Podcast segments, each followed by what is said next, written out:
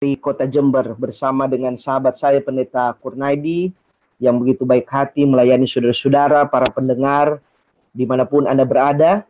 Pada kesempatan siang hari ini tentunya tetap kita mengucapkan syukur oleh karena uh, kita boleh menikmati berkat Tuhan melalui mendengarkan akan firman-Nya. Pada pagi ini saya ingin membagikan sebuah cerita. Dan cerita ini merupakan lanjutan dari kisah yang kita sudah sama-sama pelajari kemarin. Kemarin kita telah menyelesaikan sebuah buku yang sangat dikenal di dalam Alkitab, kisah tentang penyelamatan Tuhan kepada orang Yahudi pada zaman Raja Asweros. Dan buku Esther ditutup dengan hal yang menggembirakan oleh karena akhirnya bukan hanya Esther dan Mordekai saja yang selamat, tetapi seluruh orang Yahudi yang selamat. Di dalam Alkitab, setelah buku Esther, maka kita jumpai buku Ayub. Dan hari ini kita akan membicarakan satu hal tentang buku Ayub. Hal tersebut adalah Allah ketika umatnya membutuhkan pertolongan. Atau Allah hadir ketika umatnya membutuhkan pertolongan. Saudara-saudara sekalian, tentunya kisah Ayub ini adalah kisah yang sangat familiar bagi kita semua. Oleh karena kisah ini menggambarkan tentang realita hidup ini bahwa hidup ini tidak selalu menyenangkan. Realita hidup ini kadang-kadang kita mengalami kepiluan. Tetapi sama seperti sebuah syair lagu yang sering kita dengarkan di dalam bahasa Inggris mengatakan The God of the day is the God of the night. Allah di waktu siang, dia juga adalah Allah di waktu malam. Allah yang berada di puncak bukit-bukit kemenangan, dia juga adalah Allah di lembah kekelaman. Sebelum kita membicarakan akan buku Ayub ini, mari kita tunduk kepala dan kita berdoa. Bapa kami dalam kerajaan sorga, kami saat ini akan belajar firman-Mu. Kiranya Tuhan akan mengosongkan hati pikiran kami, agar kami boleh menikmati sukacita dalam belajar akan firman-Mu. Bapa kami dalam kerajaan sorga, tuntun kami dengan kuasa roh kudusmu, agar jam-jam atau menit-menit yang berharga ini, benar-benar Tuhan berbicara melalui hambamu, dan kami semua dikuasai oleh roh kudus, sehingga firman ini akan menguatkan kami di saat-saat sulit. Kami menyerahkan segala sesuatu ke dalam tanganmu, di dalam nama Yesus, Juru Selamat dan Penebus kami. Amin.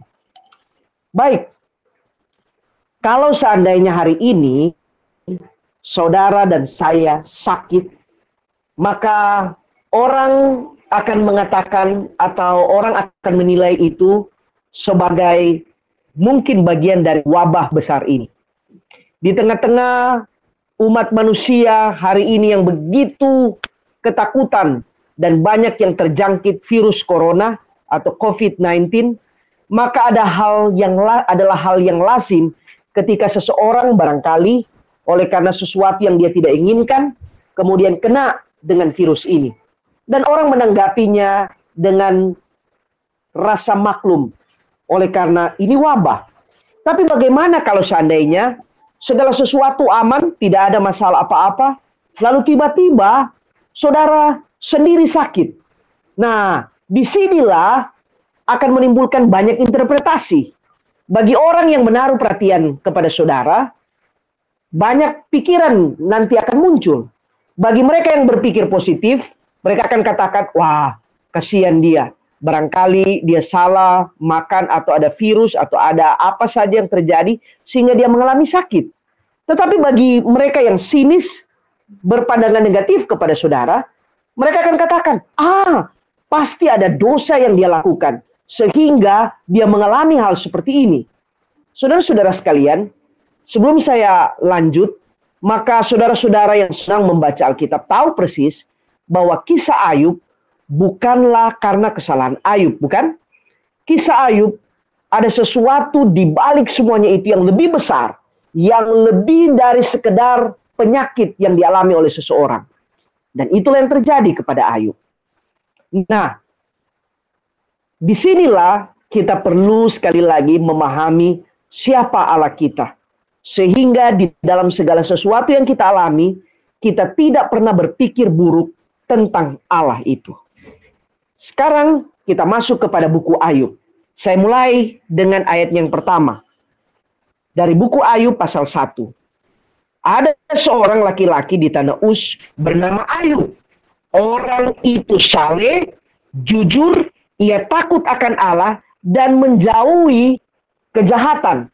Saudara-saudara sekalian, mendengar akan pernyataan ini, maka pandangan umum bahwa orang yang sebaik, semulia, setulus, dan sebenar sekelas Ayub ini adalah orang yang pasti akan selalu aman dalam hidupnya. Saudara-saudara sekalian, kalau itu yang saudara pikirkan, maka ada sesuatu yang kontradiktif dengan apa yang dinyatakan oleh Alkitab. Mengapa? Karena bagi orang yang selalu memikirkan kalau kita mengalami hal yang buruk, berarti hubungan kita dengan Tuhan itu buruk. Atau kita mengalami hal yang tidak enak, berarti ada sesuatu yang salah dalam hubungan kita dengan Allah. Maka apa yang disebutkan dalam Alkitab adalah sesuatu yang kontradiktif. Sekali lagi, saya ingin membacakan ayat yang terdapat di dalam Mazmur pasal 34. Ayatnya yang ke 20. Kemalangan orang benar banyak. Saya ulang. Kemalangan orang benar banyak. Dalam bahasa Inggris dia sebutkan demikian. A righteous man may have many troubles menghadapi banyak masalah, troubles. Loh, saya orang benar, saya baik, saya setia di gereja. Itu bukan jaminan bahwa kita akan hidup selalu aman. Itu juga bukan jaminan bahwa kita akan selalu sehat. Justru sebaliknya, Alkitab katakan, kemalangan orang benar banyak. A righteous man may have many troubles. Tapi saya bersyukur kepada Tuhan oleh karena ayat itu tidak hanya berhenti sampai di situ. Saudara yang membaca Alkitab, buka bersama-sama dengan saya, perhatikan Mazmur pasal 34. Jika kalimat itu diakhiri dengan kata titik, saya merasa sesak. Ada sesuatu yang tidak enak dalam pikiran saya. Tapi saya bersyukur kepada Tuhan kalimat itu diakhiri dengan tanda baca koma. Artinya belum selesai. Bukan hanya sebuah statement yang dibiarkan begitu saja tanpa ada sesuatu yang baik dalam memberikan kesimpulan tentang Tuhan. Kalimat selanjutnya mengatakan, tetapi Tuhan melepaskan dia dari semuanya itu. Benarkah demikian Tuhan? Nah, untuk membuktikan akan hal ini, maka Ayub adalah salah satu dari sekian banyak jumlah yang tidak terhitung tentang pengalaman orang-orang yang percaya bersama dengan Tuhan yang mengalami masalah, mengalami sakit penyakit atau hal yang buruk, tapi akhirnya Tuhan membuktikan ucapannya, dia melepaskan mereka dari semuanya itu. Baik, jadi dari hal background, latar belakang klasifikasi sebagai orang baik, Ayub melebihi segala-galanya. Kenapa? Dia orang saleh, jujur, takut Allah, dan kemudian menjauhi kejahatan. Di satu sisi, dia adalah orang yang sangat spiritual, sangat religius, tapi juga di sisi yang lain, dia adalah orang yang sangat diberkati secara materi. Sekarang kita masuk ke ayat 2 ia mendapat tujuh anak laki-laki dan tiga anak perempuan. Ia memiliki tujuh ribu ekor kambing domba, tiga ribu ekor unta, lima ratus pasang lembu, lima ratus keledai betina, dan budak-budak dalam jumlah yang sangat besar, sehingga orang itu adalah yang terkaya dari semua orang di sebelah timur. Saya belum sempat menghitung berapa nilai kekayaan dari seorang Ayub pada hari ini. Tapi coba saudara berpikir secara kasar. Kambing domba. Domba rata-rata hari ini berharga 5 sampai 7 juta per ekor. Mari kita asumsikan 5 juta. 5 juta dikalikan 7 ribu. Berapa nilai uang? Kemudian lembu. Lembu hari ini paling kurang 25 juta sampai 30 juta. Kalikan itu dengan 500 pasang lembu. Kemudian belum unta, belum lagi keledai, dan juga belum ditambah dengan personil-personil pegawainya yang jumlahnya sangat banyak kata Alkitab. Dan ada catatan yang ditulis jelas di dalam buku Ayub ini mengenai Ayub. Ia itu adalah orang yang terkaya dari semua yang di sebelah timur. Pada pergantian abad 18 atau abad 19 ke abad 20.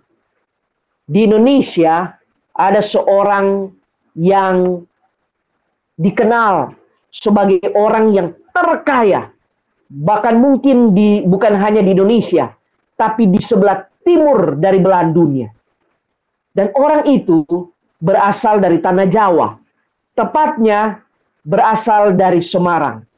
Jika pada abad itu, di zaman yang sama, di sebelah barat ada orang yang terkaya yang bernama John Rockefeller sebagai raja minyak, maka di pergantian abad 19 memasuki abad ke-20, ada orang yang terkaya di sebelah timur yang bernama Ui Tiong Ham.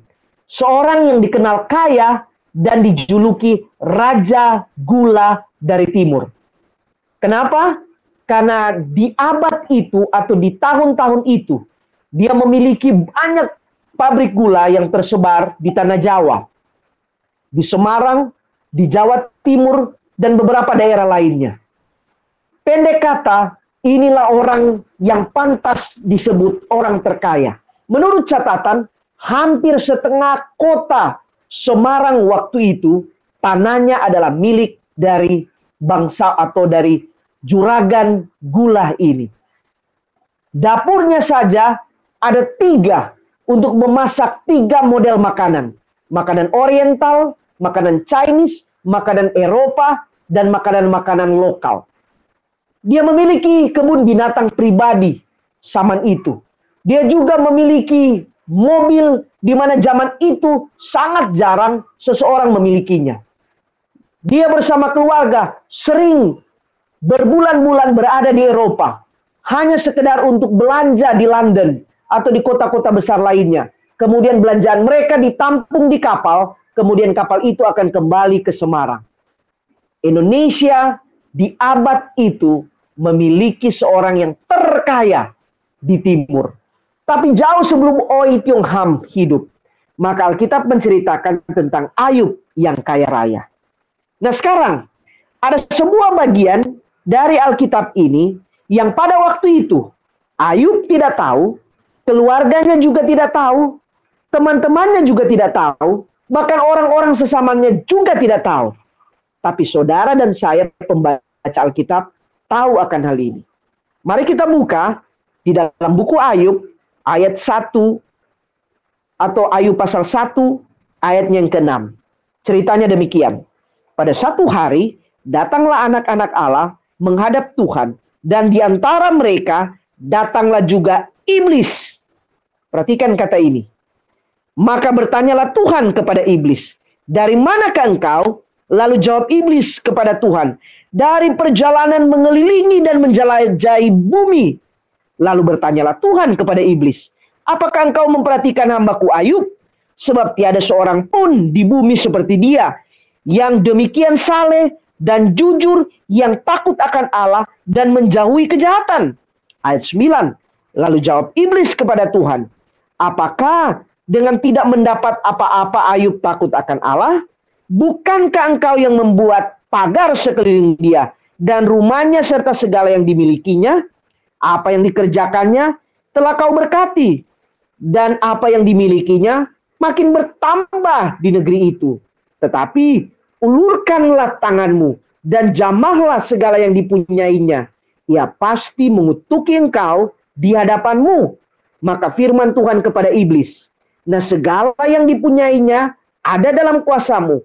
Hanya jangan engkau mengulurkan tanganmu terhadap dirinya. Kemudian pergilah iblis dari hadapan Tuhan. Mengapa saya ingin membaca bagian ini yang cukup panjang? Bagian inilah memberikan bukti di dalam Alkitab bahwa setan yang sudah dilemparkan keluar dari sorga sampai pada masa Ayub masih bisa mendatangi Allah ke sorga. Inilah catatan otentik dalam Alkitab untuk menunjukkan betapa besar kemurahan Allah dengan memberikan kesempatan yang sangat panjang untuk setan datang kepadanya. Catatan ini penting oleh karena sering dalam berbagai kesempatan diskusi Alkitab, orang sering bertanya pertanyaan yang umum ini. Apakah Tuhan mengasihi setan? Apakah ada kesempatan yang diberikan Tuhan kepadanya? Sehingga dia boleh bertobat. Nah, buku Ayub pasal 1 ayat 6 hingga ayatnya yang ke-12 memberikan bukti bahwa sampai pada zaman Ayub Allah masih memberikan kesempatan.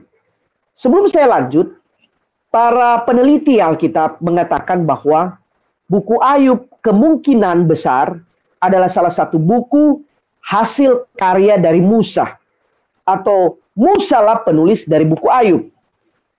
Nah, kalau Musa adalah penulis dari buku Ayub, berarti itu sekitar tahun 1500-an, 1400-an sebelum Masehi. Umur manusia terpanjang yang ditulis dalam Alkitab adalah Metusala, 969 tahun melampaui umur manusia yang paling panjang yang pernah ada di muka bumi ini, Tuhan pernah memberikan kesempatan setidaknya sampai pada buku Ayub, di mana setan diberikan kesempatan untuk bertobat. Bukankah sungguh baik Allah itu, bukan? Bahkan sampai ketika dia mati di kayu salib, barulah kesempatan itu berakhir. Saya harus memberikan komentar ini oleh karena terkadang di dalam segala keterbatasan pembaca Alkitab, mereka meragukan akan kasih karunia Allah. Sesungguhnya kasih karunia Allah itu tidak terbatas. Tetapi yang membatasi kasih karunia Allah itu adalah dia harus melaksanakan keadilan bagi semua orang. Dia harus melaksanakan keadilan demi untuk kebaikan banyak orang. Saya harus mengatakan jika dosa dibiarkan berlarut-larut tanpa dihentikan, maka Allah tidak lagi kasih. Dosa perlu dihentikan untuk menunjukkan bahwa betapa besar kasih Allah itu. Tentunya ini ada pembahasan khusus. Kita tidak fokus ke bagian itu. Kita kembali kepada buku Ayub yang menjadi fokus pembahasan kita pada pagi ini. Ayub. Jadi Ayub tidak tahu bahwa dia sementara menjadi objek perhatian dari dua kekuatan besar di alam semesta ini. Yang pertama, dia adalah perhatian dari Tuhan. Bahkan Allah memberikan pujian. Tidak banyak di Alkitab catatan langsung dari Allah untuk memuji seseorang. Paling tidak di buku Ayub ini, Ayub adalah seseorang yang luar biasa. Karena Allah sendirilah yang menyampaikan bahwa dia adalah seorang yang takut akan Tuhan.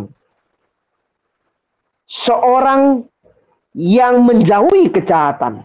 Tapi jangan lupa, di sisi yang lain, seorang yang benar juga menjadi perhatian setan. Sebelum saya lanjut, saya sekali lagi ingin memberikan komentar untuk hal ini. Jika saudara benar, jika saudara orang baik, jika saudara adalah orang yang takut akan Tuhan, maka saudara adalah pusat perhatian. Pertama, tentunya adalah Allah sendiri dan kedua adalah setan. Jadi jangan pernah berpikir bahwa ketika kita benar, kita hanya diperhatikan oleh Allah. Atau sebaliknya, ketika kita benar, setanlah yang memperhatikan kita selalu. Kedua kekuatan ini selalu memperhatikan kita. Di samping tentunya manusia memandang kepada manusia, pribadi memandang kepada pribadi yang lain. Jadi, apa yang terjadi terhadap Ayub sebenarnya adalah sebuah percobaan antara dua kekuatan. Dan seperti yang saya katakan tadi, Ayub tidak tahu sama sekali. Ayub tidak tahu bahwa dia sementara menjadi objek percobaan menjadi laboratori, objek dari sebuah laboratori untuk menunjukkan kepada alam semesta akan siapa yang benar dalam argumentasi. Apakah Allah atau setan? Nah sekarang dari background itu kita masuk kepada ayat 13. Ayat 13 mengatakan, pada satu hari ketika anak-anaknya lelaki dan perempuan makan dan minum anggur di rumah saudara yang sulung, Alkitab mengatakan selanjutnya, anak-anak ini datanglah seorang pesuruh kepada Ayub berkata, sedang lembu sapi membajak dan keledai-keledai betina makan rumput di sebelahnya, datanglah orang-orang Sheba menyerang, merampas, memukul penjaganya, dan hanya sendiri aku yang luput. Kemudian datang lagi, ayat 16, api membakar semua harta dari Ayub. Kemudian ayat 17, datang lagi orang menyerang akan harta-harta yang lain. Dan kemudian ayat 18, datang lagi orang berkata, anak-anak Tuhan, lelaki dan perempuan, mereka semuanya mati. Jadi harta hilang, anak-anak mati. Nah sekarang ayat 20. Dan ini kata-kata yang sering dikutip karena begitu terkenal. Ayat 20 mengatakan, maka berdirilah Ayub lalu mengoyakkan jubahnya, mencukur kepalanya, kemudian sujudlah ia dan menyembah. Katanya, dengan telanjang aku keluar dari kandungan ibuku, dengan telanjang juga aku akan kembali ke dalamnya. Tuhan yang memberi, Tuhan yang mengambil. Terpujilah Tuhan. Dan ayat 22 adalah hal yang menarik tentang Ayub. Dalam kesemuanya itu, Ayub tidak berbuat dosa dan tidak menuduh Allah berbuat yang kurang patut. Wow, luar biasa catatan Alkitab ini. Kenapa? Karena tidak lazim seseorang yang mengalami berbagai penderitaan lalu kemudian tetap tenang, bahkan tidak menuduh Allah. Sebelum saya lanjut, saya juga ingin memberikan komentar bahwa ada dua hal paling tidak yang dicatat dalam Alkitab dari kehidupan manusia untuk menguji kesetiaannya kepada Tuhan. Hal yang pertama adalah seperti yang dialami oleh Ayub, yaitu saudara sementara senang, kemudian diberikan kesusahan yang sangat susah. Cenderung atau kebanyakan orang-orang ketika menghadapi seperti ini, imannya akan goyah dan kemudian meninggalkan Tuhan. Lalu hal yang kedua adalah seseorang yang hidup senang, kemudian ditambah lagi dibuat lebih senang, lebih kaya, lebih sukses. Maka dalam kondisi seperti ini, seseorang juga bisa meninggalkan imannya. Apakah ada contoh? Ada. Salomo lah contohnya. Jadi Salomo dan Ayub adalah dua manusia, dua karakter yang mewakili seluruh umat manusia di mana seseorang yang mengalami hal yang buruk atau seseorang yang mengalami hal yang sangat senang. Jika Ayub dalam kondisi yang sangat buruk tetap memuji Tuhan dan tidak meninggalkan imannya, tetapi sebaliknya Salomo dalam keadaan yang sangat senang dan berbahagia dan sukses, dia justru sempat meninggalkan imannya kepada Tuhan. Saudara mau pilih yang mana? Senang sekali atau susah sekali? Banyak orang katakan, saya pilih yang senang sekali. Tetapi saya mau katakan, belum tentu iman kita bisa bertahan jika demikian keadaan Anda. Atau sebaliknya, kita susah sekali, juga belum tentu. Yang ada, yang perlu kita perhatikan adalah berdoalah agar apa pun keadaan kita, entah kita lagi senang sekali atau susah sekali, kita tetap bertahan di dalam iman kepada Tuhan. Nah, kita kembali lagi kepada Ayub. Tidak semua orang berpikir positif tentang Allah ketika menghadapi hal-hal yang buruk. Kenapa? Karena banyak orang berpikir yang buruk tentang Allah ketika dia mengalami hal yang buruk. Seorang yang bernama Harold Kushner dalam bukunya When Bad Things Happen to Good People, dia menyampaikan pembahasan bahwa kebanyakan orang berpikir buruk tentang Allah ketika keadaannya buruk. Dan jika demikian, maka di situlah ukuran iman seseorang. Ayub ketika mengalami hal yang buruk, istrinya tidak terima. Itu sebabnya di dalam ayat yang ke-9 dalam buku Ayub pasal 2, Catatan Alkitab mengatakan demikian. Maka berkatalah istrinya kepadanya, masih bertekunkah engkau dalam kesalianmu? Kutukilah Allah, kutukilah Allahmu, dan matilah. Saudara-saudara sekalian, apa yang ingin dikatakan oleh istri Ayub seakan-akan adalah, masih engkau bertekun kepada Allah yang sudah membuat engkau buruk? Kutukilah dia karena dialah penyebab dari hal yang buruk. Wow, apakah Tuhan benar demikian? Saudara-saudara sekalian, saya kembali ayat yang selalu saya sampaikan. Nahum pasal 1 ayat 7. Bahwa Tuhan itu baik. Ia adalah tempat perlindungan pada waktu kesusahan. Rahmat Allah saudara-saudara adalah rahmat yang tidak terbatas. Jangan lupa itu. Sehingga jangan batasi itu hanya karena keadaan kita. Ingat, kita baik atau tidak, kita mengalami hal yang buruk atau tidak, Allah itu adalah tetap Allah yang baik. Jangan lupa itu.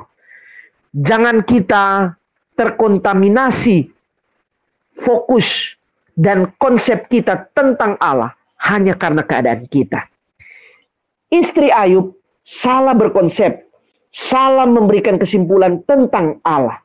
Karena dia menganggap Allah itu tidak baik. Ayat 10, kontras dengan istrinya. Ayub berkata kepada istrinya, Engkau berbicara seperti perempuan gila. Apakah kita mau menerima yang baik dari Allah, tetapi tidak mau menerima yang buruk?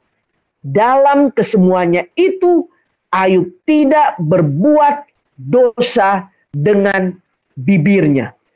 Sudah dua kali dalam kesempatan yang berbeda, ayat Alkitab mengatakan bahwa Ayub sekali-kali tidak menuduh Allah atau melakukan dosa. Panjang cerita ini, dalam kisah Ayub lebih banyak dibumbui oleh percakapan antara Ayub dan sahabat-sahabatnya. Dari situlah kita temui seperti yang saya katakan tadi, berbagai konsep manusia tentang manusia mengenai hal-hal yang buruk. Ada yang berkata bahwa ini adalah kutukan Tuhan. Ada juga yang mengatakan bahwa ini adalah upah buah dari kejahatan dan lain sebagainya. Tetapi saudara-saudara, apa pun yang terjadi, sekali lagi kita harus mengerti bahwa Allah itu baik. Nah, seperti pembahasan yang sudah-sudah, selalu saya mengatakan kepada setiap pembaca Alkitab, jangan pernah menutup kisah atau cerita seseorang tentang Allah di saat kisahnya belum selesai. Karena barangkali Allah ingin menyampaikan sesuatu melalui pengalaman hidup Sehingga ketika kita menutup, menyudahi, mengakhiri sesuatu yang belum usai, kita bisa saja salah memberikan kesimpulan tentang Allah.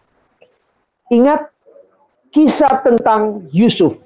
Jika dia menyimpulkan dan mengakhiri kisahnya ketika dia berada di dalam sumur itu saat dia dibuang, dijatuhkan oleh saudara-saudaranya, dia salah memberikan kesimpulan tentang Allah, bukan?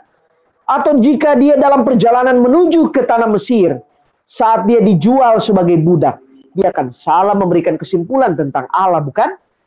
Atau ketika dia berada di dalam penjara, padahal dia tidak melakukan kesalahan, tapi justru dia difitnah sehingga dia dijebloskan dalam penjara. Dia juga akan memberikan kesimpulan yang keliru tentang Allah, bukan?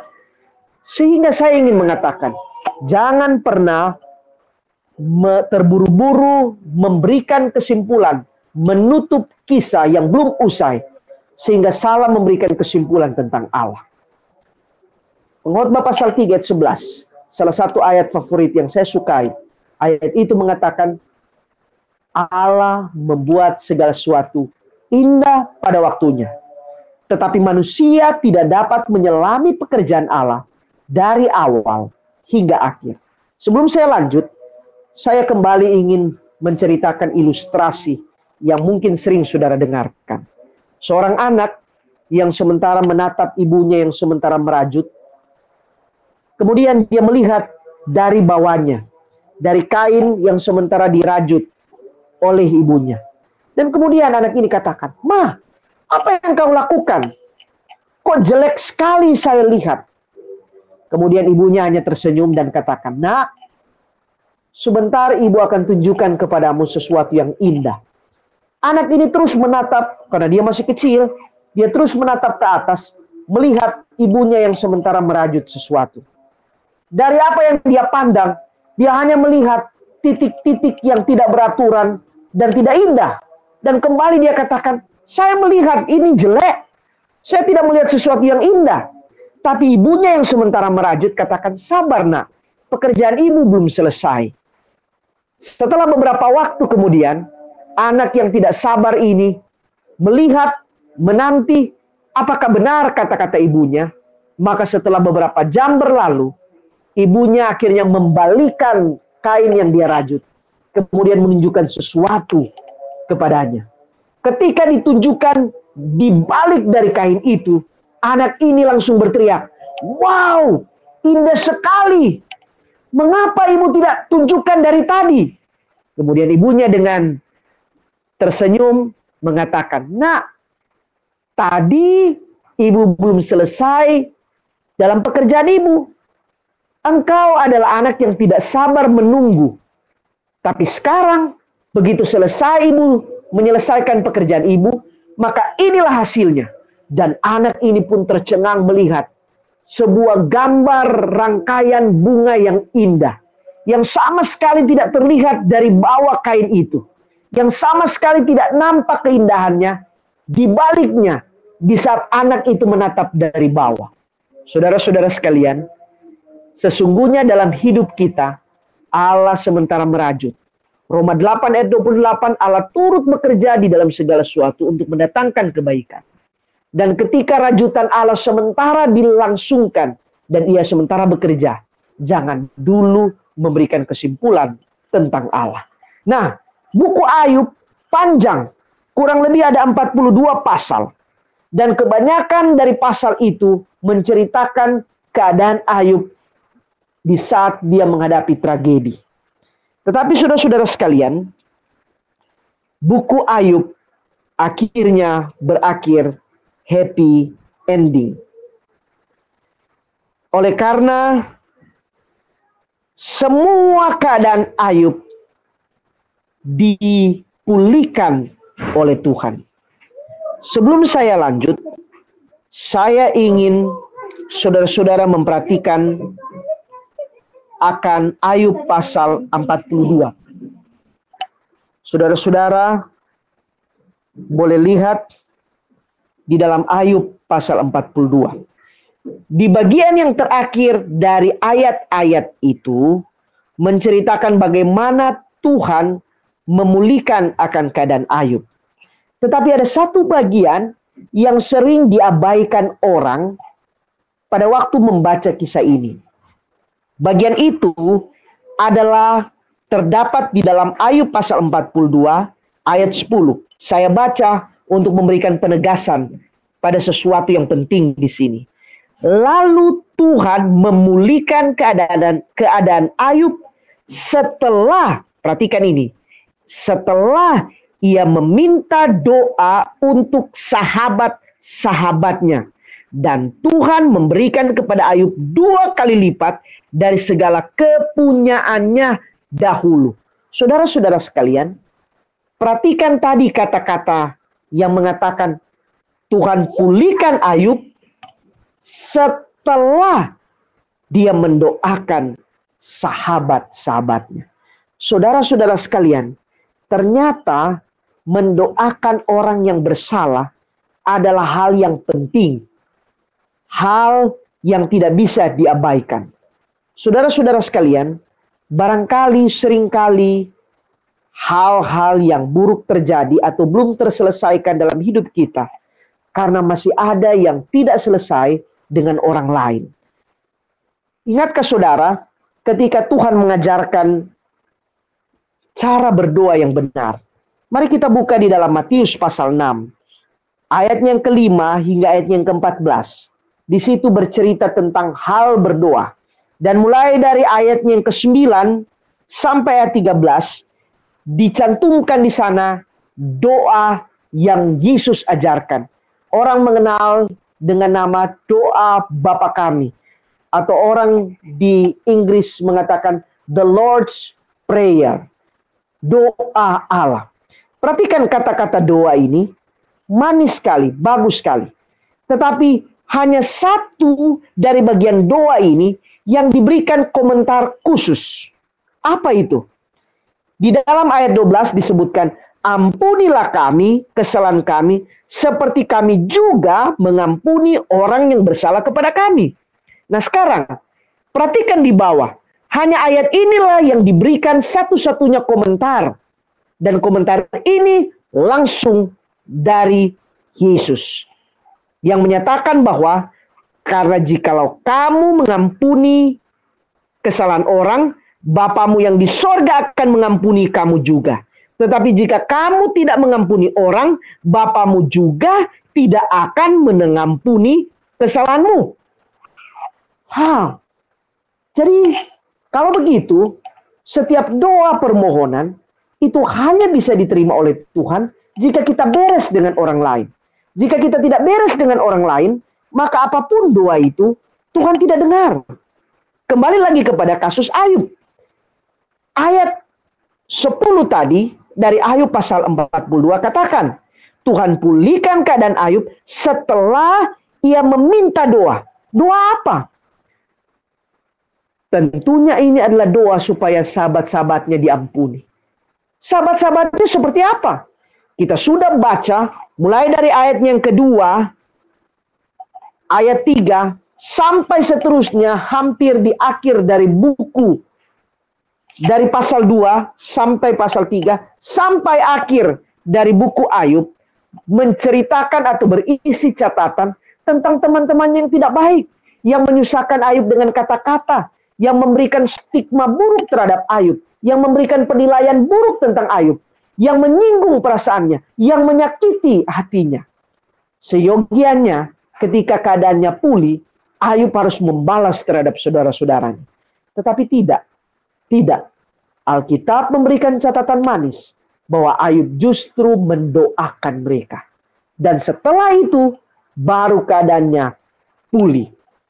Saudara-saudara sekalian, sebelum mengakhiri akan renungan saya pada siang hari ini, saya ingin menceritakan satu kisah dari pengalaman saya hanya untuk memberikan pandangan tentang bagaimana maksud Tuhan dari keadaan buruk yang dialami oleh Ayub.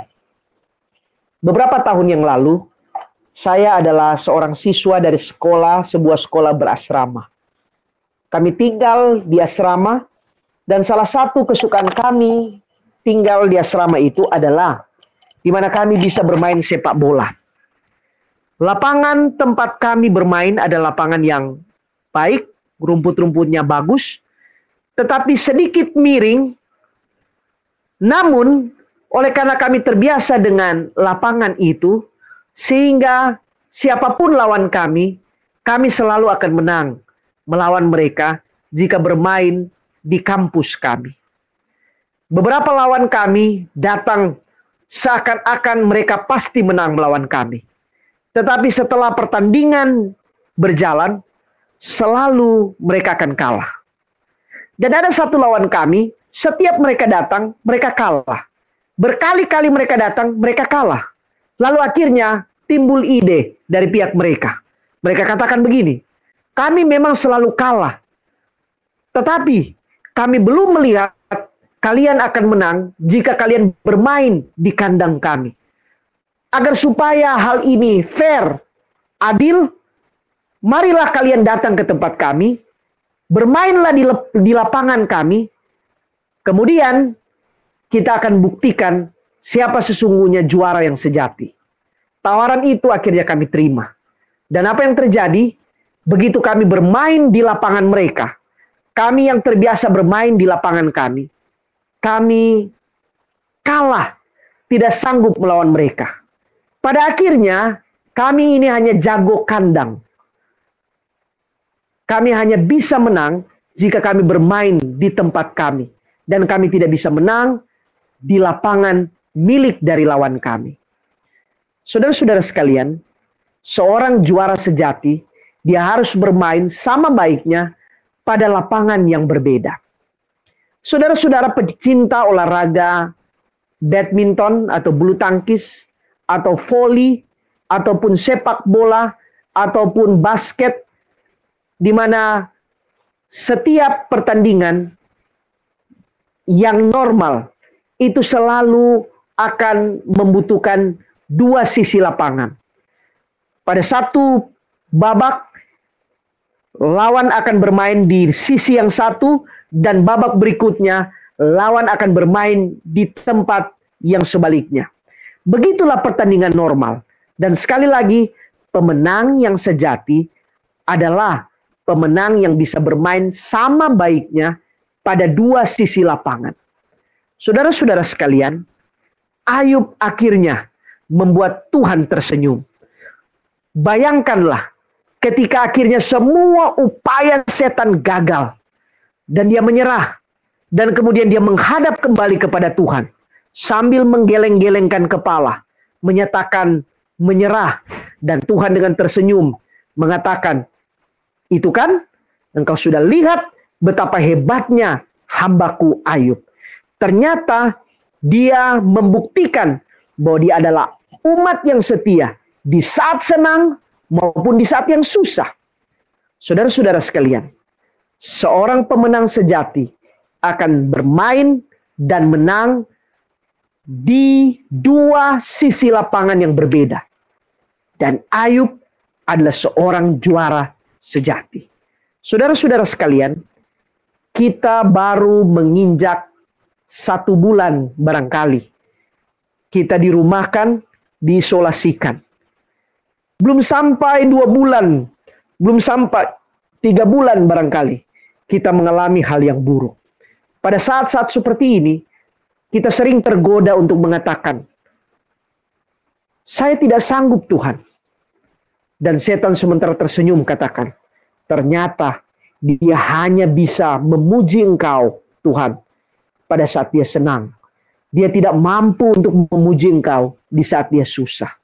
Saudara-saudara sekalian, kita tidak tahu sampai kapan wabah ini berakhir.